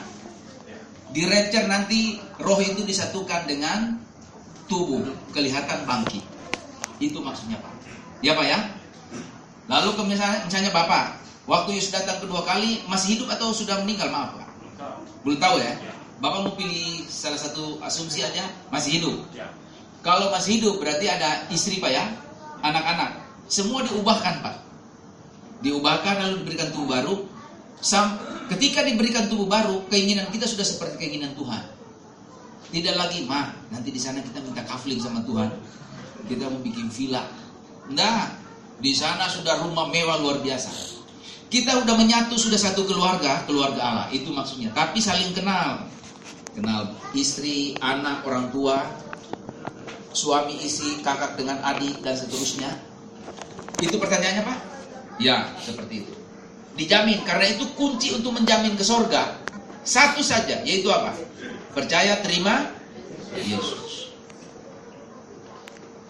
Jadi kalau misalnya keluarga bapak percaya terima Yesus menjadi anak Allah yang yang dimaksud adalah terima Yesus percaya sungguh-sungguh maksudnya. Jamin menjadi anak Allah semua ketemu di sorga. Amin pak. Ya mungkin pertanyaan ini bagus mungkin pertanyaan ini juga menjadi pertanyaan kita semua. Jadi bagi kita yang sudah percaya Yesus satu keluarga bisa berjumpa dengan Yesus dan keluarga lain orang-orang tua kita di sorga. Mari. Pertanyaan lain bagus pertanyaan ah, bapak kita ini. Ya ada lagi ada ibu. Mari Ah, dari, boleh juga dari situ ya Halo Pak, Shalom saya mau nanya Pak, apa perbedaan orang yang berangkat langsung atau lecture dengan orang yang berangkat bersama-sama, ciri-cirinya? Terangkat bersama-sama. Maksudnya gimana ini, Bu? Tadi kan terangkat itu secara langsung kan, tapi ada yang terangkat eh, Tuhan Yesus turun menginjakkan kaki di bumi. Jadi perbedaan orang terangkat secara langsung itu Oh. Oke, oke. Apa? ciri Ini ini ini gambaran nih. Kalau Yesus terang, ini kan eh, kedatangan kedua dua paket ini. Paket ini yang Yesus di angkasa. Ya Bu ya. Lalu kita terangkat sama-sama bertemu dia di, di angkasa lalu dibawa ke sorga. Tapi kalau Yesus datang ke bumi, kita tidak terangkat. Justru kita kita memang belum sampai ke situ. Sesudah ini kita akan membahas sesudah itu kita akan turun lagi Bu dalam memerintah kerajaan seribu 1000 tahun. di sorga kita menghadapi dua eh, dua acara. Ada acara juga di sana bu, tapi bukan seminar kayak begini. Acara pertama ini nih pengadilan Kristus. Tadi tujuannya apa? Membagikan mahkota. Kedua adalah pada pesta anak domba Allah di sorga. Nah, untuk apa mahkota itu? Ilustrasinya kalau kita pergi ke apa namanya pernikahan jadi kado untuk kemuliaan Tuhan. Jadi hidup kita di bumi diperlihatkan melalui mahkota yang kita persembahkan bagi kemuliaan Tuhan. Jadi di dunia kita memberikan praise and worship melayani Tuhan. Di sorga tujuan kita lebih fokus lagi. Memberikan apa? Praise and wor- worship. Kita jangan jadi pengkhotbah. Pendeta sudah tidak laku. Semua jadi pemuji. Karena itu ya bagi kita yang tidak biasa nyanyi, belajarlah sedikit-sedikit nyanyi.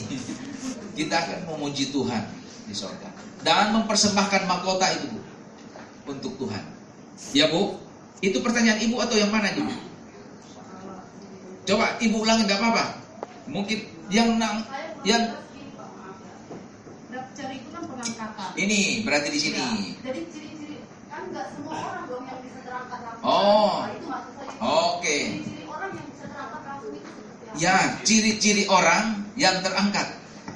Nama yang tercatat dalam kitab Kehidupan. hayat, kitab kehidupan. Ciri-cirinya adalah orang di- dimulai dulu dengan orang sudah terima Yesus. Ciri-cirinya terlihat. Orang terima Yesus tidak bisa dilihat kan? Cirinya dilihat dari buah. Ya. buahnya. Dia rajin beribadah, rajin berdoa, rajin memuji Tuhan, hidupnya baik dalam keluarga. Kan itu kan bisa dilihat. Ya. Dalam keluarga misalnya, keluarganya dipelihara. Orang sudah terima Yesus, cirinya tidak akan terlihat pada keluarga berantakan, selingkuh dan sebagainya. Nah, padahal orang di gereja ada, ada juga yang selingkuh kan? Ada orang ini yang seperti ini, ciri yang tidak men- menunjukkan bahwa tercatat dalam kitab hayat. Ciri orang yang dalam Yesus yang terima Yesus dia memelihara hidupnya, kekudusannya, gitu. Rumah tangganya. Tidak berarti rumah tangga tidak bisa ada masalah, ada masalah. Tetapi tetap anak-anak muda, ini anak muda tidak ada narkobanya, tidak memberontak pada orang tua. Ya, anak-anak muda yang terangkat itu kelihatan dia taat pada firman Tuhan. Dia hormat kepada orang tua. Dia hormat pada Yesus apalagi. Suami yang terangkat itu mengasihi ke rumah tangganya. Ah, Ini kan sudah praktisnya bisa dilihat. Istri yang terangkat, dia mengasihi keluarganya. Dia tidak pernah menelantarkan rumah tangga. Anak suami sebaliknya suami, sebaliknya anak. Begitu-begitu. Ya, Bu? Oke. Saya Pak. Ah. Ya. Ah, pertanyaan yang pertama adalah ketika kita rapture, kan semuanya rapture itu ya, nggak ada yang nggak. Contohnya, Orang orang sudah di dalam Yesus. iya, misalnya dari anak-anak, Ah, anak-anak juga kan, dia kan juga rapture juga itu. Jadi bukan hanya orang tua yang rapture, tapi anak-anak juga semua orang percaya. semua orang percaya pasti rapture. Terus itu posisinya itu ya, karena menurut orang yang pernah naik ke surga gitu ya. Mereka Siapa begitu. Oke, oke. Terus, terus, terus, terus, terus. Maksudnya posisi mereka itu kan katanya nih seperti kita ya. Kita melakukan kebaikan di dunia ini untuk membuat mengantar material kita ke Ke surga. Nah, material-material gitu ya. Materi seperti apa misalnya batu. Ya, perbuatan baik kita Oke. gitu. Ya, Contohnya ya. segala macam lah gitu Ya. ya. Sehingga kita masuk dalam naik ke surga. Maka kita itu memiliki rumah di surga contohnya. Lalu kan eh, kalau memang kita nantinya di surga, kok turun lagi ke bawah gitu Oh nanti di sesi 2 kan? Ya. Nanti sesi 2 kita ya sudah ini kita lihat. Tapi pertanyaan kenapa turun lagi? Itu Iya. pertanyaannya kan? Iya kan, sementara rumahnya sudah ada di surga, Betul. Udah, di, udah punya rumah masing-masing. Kenapa masih ada turun ke bawah kita lagi gitu ya? Nah itu. Terus Naik turun naik turun jadinya. terus eh, posisi posisi anak-anak nanti yang naik ini ya Pak ya, itu kan bukan dia nggak memiliki rumah kan? Nah ini mau, Anak-anak anak-anak yang mau diluruskan dulu. Apakah rumah yang dimaksud ini adalah rumah seperti perumahan begini? Keluarga A punya rumah masing-masing. Karena ada juga pandangan begitu tuh. Punya kafli. Iya. Itu rumah itu rumah Allah semua kita sudah menjadi anggota keluarga Allah. Ya, dan misalnya oh di sana rumah tipe misalnya 500, dua tingkat.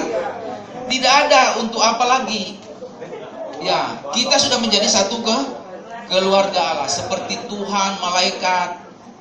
Kita menjadi seperti Tuhan, tapi bukan Tuhan. Iya. Terus ini lagi pertanyaan saya Pak. Kalau kita kan berubah tubuhnya ini kan seperti Tuhan Yesus. Ya. Kalau anak-anak itu gimana itu? Ah. Persoalannya, kalau anak-anak bisa jalan masih lumayan. Bayi misalnya. Sebaliknya, ada orang tua yang sudah kakek-kakek gitu di sorga. Ini ini sebelum ada kesimpulannya. Di sorga kita dipanggil Tuhan. Mari kita berkumpul memuji Tuhan.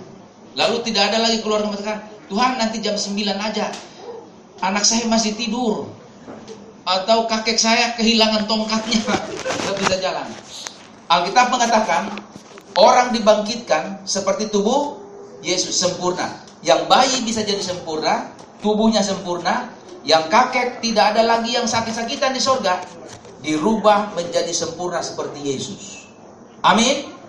Ini data Alkitab. Karena itu di sana tidak ada lagi kita mengangkat-ngangkat. Yesus, tunggu Yesus. Usungan kakek kami hilang. Tidak ada. Jadi maaf kata, kalau ibu, oma kita dari sini, tidak lagi kelihatan oma. Sempurna seperti Yesus. Amin. Kalau di sana masih sakit-sakitan, untuk apa kita datang kepada Yesus? Nah ini mungkin agak susah diterima, tapi itu yang dicatat oleh Alkitab. Dibangkitkan seperti Yesus. Ini luar biasa ini berita dari Alkitab. Sehingga kita tidak lagi terhalang oleh keterbatasan kita sakit penyakit, kelemahan, kekurangan kita. Tapi kita sempurna selama-lamanya seperti Yesus. Tadi tidak tak, eh, tidak mati, tidak apa lagi tadi? Tidak berdosa, tidak binasa, tidak sakit selama-lama. Kuat maksudnya, kuat. Ya, ya ibu ya. Jadi intinya Pak di surga itu nggak ada rumah-rumah gitu. Nggak ada rumah-rumah. Mau berumah di sinilah kita tempatnya. Jangan terpengaruh. Memang ada ajaran kayak begini. Diangkat dari Yohanes 14. Di rumah Bapakku banyak aku akan bukan itu. Bahkan ada orang membangun ajaran begini. Oh Yesus belum turun karena belum selesai bangun rumah di sana. Salah. Wong maksudnya gini loh Pak. Jadi dari perbuatan kita itu nanti dinilai rumah kita Ah, bagaimana bagaimana. bukan rumah yang hadiahnya, mahkota ini. Mahkota kemuliaan ini ya. Coba kita mahkota satu mahkota ini apa namanya? Kalau misalnya kita punya rumah tipe tiga tingkat tipe seribu tipe seribu misalnya itu nilainya berapa? Bisa 25 m, 100 m, harus 100 m ya. Satu mahkota lebih besar dari bulatan bumi. Nilainya itu kemuliaan, bukan nilai materi. Yesus perlu materi enggak? Enggak perlu. Wong emas itu jadi jalan ini. Kita jalannya emas. Belum sepatunya. Jadi materi enggak ada nilainya di sorga. Yang ada adalah kemuliaan. Di, di dunia belum terasa itu. Harta Yesus kalau bilang, aku kaya. Yesus tidak mengatakan emas, perak. Itu untuk manusia. Kekayaan Allah Tritunggal itu adalah kemuliaan. Kebanggaan surgawi. Bukan materi. Kalau materi terbatas sekali ke apa nama kekayaan itu. Kita ngomong materi karena kita masih dalam tubuh lama. Tubuh baru tidak perlu. Kalau bikin rumah logikanya harus ada dapur, ya kan? Berarti kita makan. Tubuh baru bisa makan nggak? Artinya bisa lapar nggak? Tidak bisa lapar. Karena itu tidak perlu lagi uang, tidak perlu lagi makanan, atau rumah apakah yang kita perlukan di sana? Seperti itu. Nggak mau siapkan rumah lalu kemudian berapa kamar? Yesus kasih aku lima kamar atau 50 kamar aja. Kami soalnya keluarga banyak. Kasurnya harus empuk. Nggak ada itu, nggak ada. Karena kita nggak bisa tidur atau nggak tidur. Kita nggak mau makan, kita nggak tidur. Kita hidup seperti Ye Yesus, tapi kita bukan Tuhan. Itu dia. Ah, Yerusalem baru nanti di sini, Pak. Yerusalem baru sesudah ini. Ya. Yerusalem baru. Menurut Bapak Yerusalem baru apa, Pak? Ah, Yerusalem baru itu ibu kota dari langit bumi baru. Coba bocoran ayatnya dulu. Bocoran ayatnya di Wahyu 21 ayat 2. Ya. Ya, jadi bagus sekali sharing ini. Mungkin kita sudah dengar sebelumnya atau gimana. Boleh sharing di sini. Bahwa ke sorga itu nanti ada pindah lagi ada perumahan. Ya, lalu kita mau ber keluarga kita dikumpul di satu rumah. Oh, rumah ada tetangga lagi. Bahkan ada satu buku menulis begini. Nanti di sorga ada pohon, lalu ada ada anjing lewat. Tidak ada hewan di sana. Semua sudah berakhir kecuali malaikat dan manusia dan Allah Tritunggal. Ya. Tadi ayat berapa dibaca tadi, Pak? Wahyu 21 Wahyu 21. Wahyu 21 ayat yang ke 1 dan 2. Lalu aku melihat langit yang baru dan bumi yang baru, sebab langit yang pertama dan bumi yang pertama telah berlalu, Ya. dan laut pun tidak ada lagi. Dan aku akan melihat kota yang kudus, Yerusalem baru, turun dari surga dari Allah, yang berhias bagaikan pengantin perempuan yang berdandan. Ah, turun dari Sorga. ke mana nih? Bumi. Baru bukan bumi ini. Bumi ini dihancurkan dulu, baru cinta bumi baru, baru Yerusalem baru. Ibu kotanya. Panjangnya berapa Yerusalem baru? Nanti dibaca ayat 16 terus sampai 21, 12.000 stadia. Panjang sama, tinggi sama, lebar sama, 12.000 stadia. Satu stadia berapa meter? 200. Jadi berapa kilo kalau dibuat kilo? Kilometer. 12.000 kali 200 bahagi 1000. Hasilnya 2400 kilo. Nggak usah kaget ini bukan mujizat sudah saya hitung pakai kalkulator dari rumah. Jadi 2400 kilo dari sini sampai Papua Barat. Jadi seluruh Indonesia lautnya termasuk itu Yerusalem baru terbuat dari apa? Emas. Kalau tanah aja jalan kita terbuat dari emas, rumah apakah yang kita perlukan? Jadi kalau kita naik ke surga ini nih, kita mungkin harus eh, melihat Alkitabnya begini. Jangan apa namanya persepsi fisik kita di bumi dibawa ke surga. Ya, kita tidak lagi seperti ini. Kita tidak seperti di, di bumi ini. Oh, kita mau bikin lagi rumah di sana. Saya mau balas dendam. Kalau di sini hanya tipe 120, saya mau bikin 1200 di sana. Tidak perlu kita rumah apa? Tidak ada hujan di sana. Tidak ada atap, tidak ada matahari, tapi terang benderang. Sejuk, lebih sejuk dari AC yang mantap ini. Tidak ada matahari, apalagi langit bumi baru. Tidak ada matahari. Ini membedakan bumi sekarang. Coba membaca Wahyu 22 ayat 4 dan 5. Tidak ada matahari. Ya, 4 dan 5. Wahyu 22. Ya, kita baca sama-sama yang sudah temukan 2 3. dan mereka akan melihat wajahnya namanya akan tertulis di dalam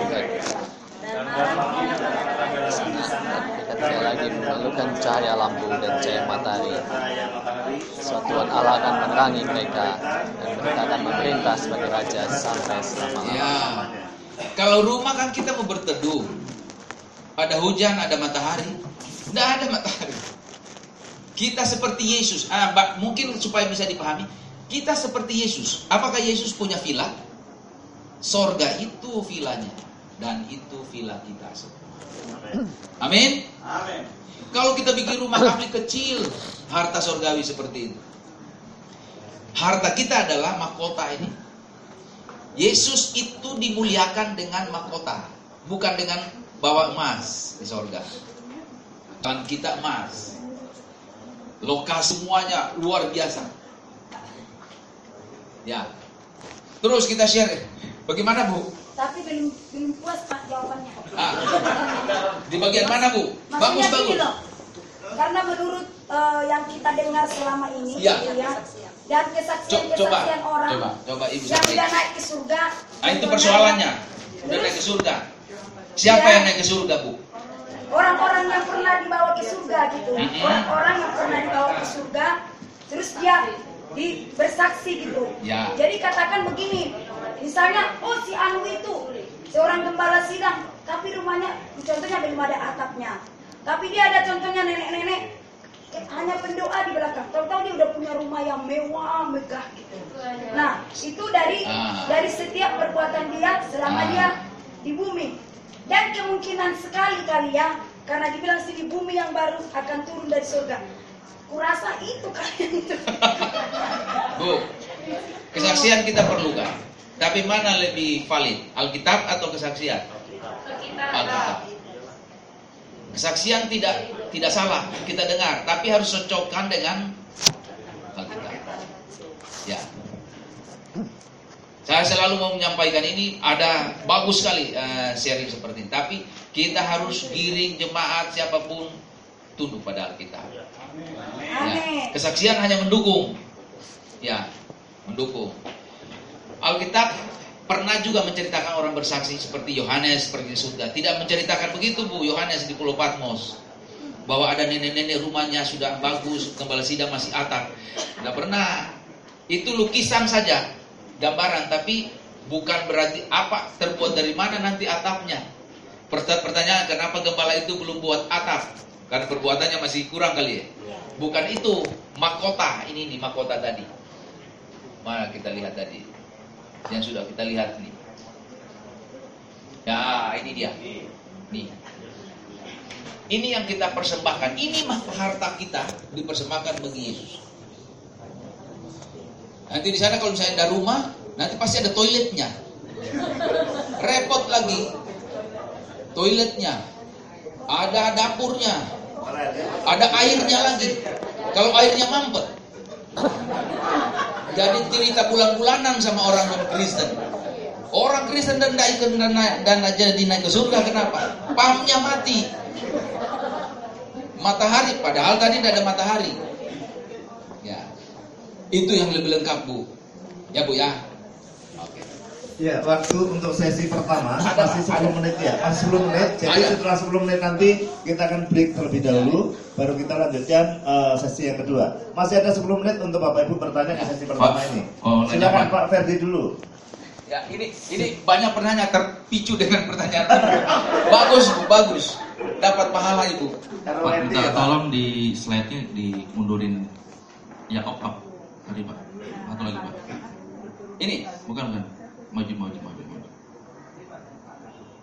Oh udah. Nah, itu kan Bapak bilang semua orang percaya sudah terangkat ke surga. ya, Di situ dihadapkan pengadilan. pengadilan. Kristus. Ini posisi dia sudah percaya. Percaya. Buk, karena itu bukan menentukan keselamatan. Nah ini pengadilannya seperti apa Pak? Tolong dijelaskan di deskripsi Ya. apa gitu. Kalau dia nilainya positif ke mana? Misalnya kalau negatif gimana penilaiannya dari, Ya. dari pengadilan tersebut kan diimbang gitu. ya. Terima kasih Pak. Oke. Bagus, Pak. Jadi tadi memang sudah kan, ini lokasi, ini di sorga, tapi gambar ini lukisan saja. Ya, tidak semewah sorga, ini baru lukisan di sorga. Yang kita temukan nanti hasil daripada penilaian Yesus ini. Karena itu kita sudah di sorga nih. Tidak berarti orang yang sedikit pahalanya dikembalikan Yesus ke neraka. Bukan. Jadi di sorga semua orang yang sudah di dalam Yesus, ya sungguh-sungguh, bukan berarti orang yang suap-suap buku, yang benar-benar. Coba angkat tangan yang sungguh-sungguh pasti ke sorga. Kita nih, ini dia kita udah tercatat. Ada di belakang tutup mata begini kenapa? ya. Kita semua hari ini sama-sama masuk ke surga. Amin. Amin. Amin. Ini modal utama. Modal utama. Dan nilai plusnya adalah mahkota. Semua orang masuk surga, tapi tidak semua orang menerima mahkota yang sama. Karena mahkota itu ditentukan tadi. Lukisan ibu rumah belum punya atap. Rumah yang belum selesai dibangun. Itu, tapi bentuk mahkota. Pahala, ma- mahkota itu pahala. Mahkota itu pahala maksudnya. Bahasa bahasa praktisnya pahala. Pertanyaannya, kalau tidak punya mahkota, oh bukan tidak punya mahkota, minimal orang percaya itu satu mahkotanya. Mahkota apa? Mengharapkan kedatangan Yesus kedua Kali. kali ini. Kebenaran. Jadi sudah ada satu modal. Tidak berarti hanya satu satu mahkota lalu oh kamu ke neraka. Enggak, tetap di surga. Nanti mahkota itu menentukan kemuliaan kita waktu pesta anak domba Allah. Kemudian memerintah dalam kerajaan seribu tahun ditentukan oleh mahkota. Kita ini raja apa anak raja? Raja apa anak raja? Satu kali lagi. Raja apa anak raja? Mari membuka eh, Wahyu 20 ayat 4. Ya.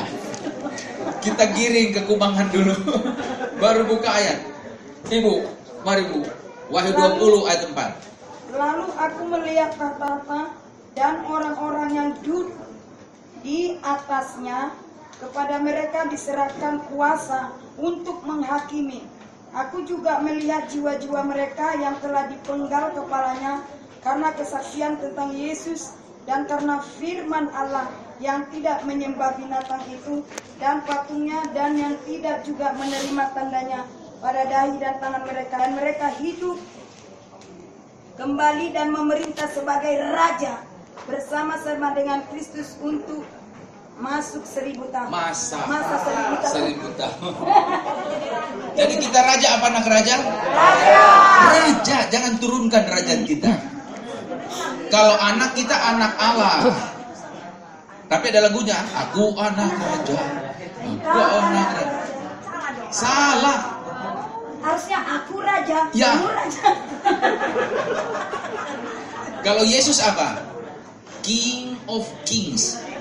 Raja di atas segala. Jadi Yesus raja satu, di bawahnya kita raja karena memerintah dalam kerajaan seribu tahun. Karena itu ada pertanyaan kenapa turun lagi? Turun memerintah. Nanti sesudah bumi dihancurkan baru kita menyatu lagi dengan sorga bumi baru. Nah itu di sesi kedua nanti. Jadi yang pertama tadi ya Pak ya. Jadi kita pahala. Nah gambaran pahala lukisan seperti apa suasana itu? Contoh begini. Misalnya kita semuanya ini kalau kalau mahasiswa ya, kita misalnya 50 orang atau 100 orang di wisuda. Semua orang di wisuda. Tapi dari 100 orang itu ada tiga orang di depan dipanggil di depan dengan orang tuanya plus orang tua. Tiga orang. Jadi di sini masih ada 97. Pertanyaan saya, siapa yang di wisuda dari 100 ini? 100 oh? orang. Tiga orang itu kenapa di depan? Dapat nilai cum laude summa cum laude dan magna cum laude. Sukacita luar biasa. Orang tua pun digiring-giring mengikuti dan menang mengalami sukacita. Pertanyaan pertanyaan satu lagi. Siapa yang diwisuda? 100 orang. Mana di antara 97 dengan 3 kemuliaan terpancar di hati mana lebih besar? Tiga orang itu. Karena berhasil bekerja keras dalam belajar dan memperoleh predikat. Itu gambaran mahkota. Jadi kita diarak-arak di depan yang tidak punya mahkota, biarlah Yesus. Inilah kelemahan saya. Karena itu Yesus Paulus bilang apa? Berlomba, lomba, berlomba sampai ke tujuan. Karena kita sedang me- apa namanya? mencari tujuan perbuatan kita yaitu menemukan pahala atau mahkota. Ya Pak?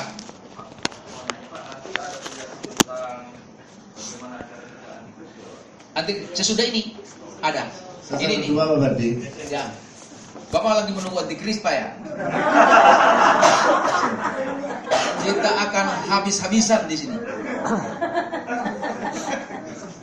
Kita akan menemukan siapa antikris. Mungkin ada di ruangan ini atau di luar sana. Ketahuan setelah masuk di sini. Nah, Pak, Mari akomodir pertanyaan masih banyak. Iya, eh, satu pertanyaan lagi dari eh, Cimisen dulu. Setelah satu pertanyaan kita akan break dulu, ya. Baru kita mulai lagi, ya. Kita akan break dulu setelah Cimisen. Pertanyaan yang berikutnya disimak dulu, Iya. baru nanti setelah break, ya. Dicatat semua pertanyaan akan eh, kebagian dijawab. Mari Bu. Shalom Pak. Shalom Bu. Sih ini pertanyaannya mengenai mahkota tadi ya, terjawab ya tadi dari Oh, sudah. Pak Berti gitu ya. Tapi ini juga saya mau tanya juga eh, orang yang udah percaya lama dan udah banyak melakukan kebajikan kebaikan untuk kemuliaan Tuhan gitu ya. Hmm. Mahkotanya bagaimana terus ada yang baru lahir atau ada yang baru mengenal Tuhan Yesus gitu ya tiba-tiba udah dipanggil Tuhan gitu ya Eh, saya juga pernah dengar gitu ya mereka itu mahkotanya katanya masih gundul katanya belum ada pelayanan gitu ya belum ada memang mereka semua udah terima Ya. Kristus mereka Ya. semua udah masuk surga semua gitu ya Ya. tapi mahkotanya ini masih gundul ada yang katanya mahkotanya udah banyak itu apa banyak mutiara-mutiaranya Oh. gitu ya Ya. Ya, itu. Mahkota itu bukan seperti tanaman bertumbuh gitu. Atau rambut masih Ya, dicukur, yang masih duduk. Iya, ya. Jadi minimal orang sudah percaya misalnya hari ini sore misalnya dipanggil Tuhan, dia sudah punya mahkota ini. Bu, satu mahkota ini sudah haleluya puji Tuhan. Itu nilainya seperti lebih besar dari planet ini. Dan ketika kita datang dengan planet apa, planet dengan mahkota itu, Yesus langsung suka cita. Tapi kalau kita membawa misalnya kontainer emas permata, dia tidak bakalan suka cita kalau kita tidak melakukan hal-hal yang baik. Jadi Yesus tidak perlu materi, dia perlu sesuatu yang memuliakan dia, yaitu apa? Kehidupan kita, kehidupan kebaikan kita, sukacita kita, kesucian, kekudusan kita. Amin. Materi itu sudah perlu, materi itu untuk kita aja. Tapi kalau di gereja kita kasih persembahan, itu tidak langsung kepada sorga, mempermuliakan Tuhan melalui pekerjaan Tuhan. Gitu. Ya Bu ya. Baik. Sudah cukup, Cimisen? Oke, ya Bapak Ibu, ini kita akan break dulu eh, 15 menit sesuai dengan aturan yang dibuat oleh panitia. Dan di bawah kita sediakan makalah-makalah atau eh, dari Pak Willy ya barangkali. Itu silakan eh, ke counter kami di bawah. Ada dua eh, pramuniaga kami yang menunggu. Ya, jadi yang kita share ini intinya ada di makalah di bawah. Jadi bisa dibaca-baca. Tulisannya sederhana, makanan karena bentuknya makalah jadi gampang dipahami. Ya, makalahnya harganya 25.000 Kalau khusus di bumi anggrek, ini kalau di luar sudah mencapai hampir 100.000 Jadi ini kesempatan Bapak Ibu eh, untuk mendapatkan makalah yang bagus. Ya, ya. Eh, kita break dulu 15 menit. Silakan di bawah kita tunggu eh, panitia untuk eh, melayani Bapak Ibu semua yang akan membeli makalah. Cukup 25.000 ya. Ujian ya. Ujian aja.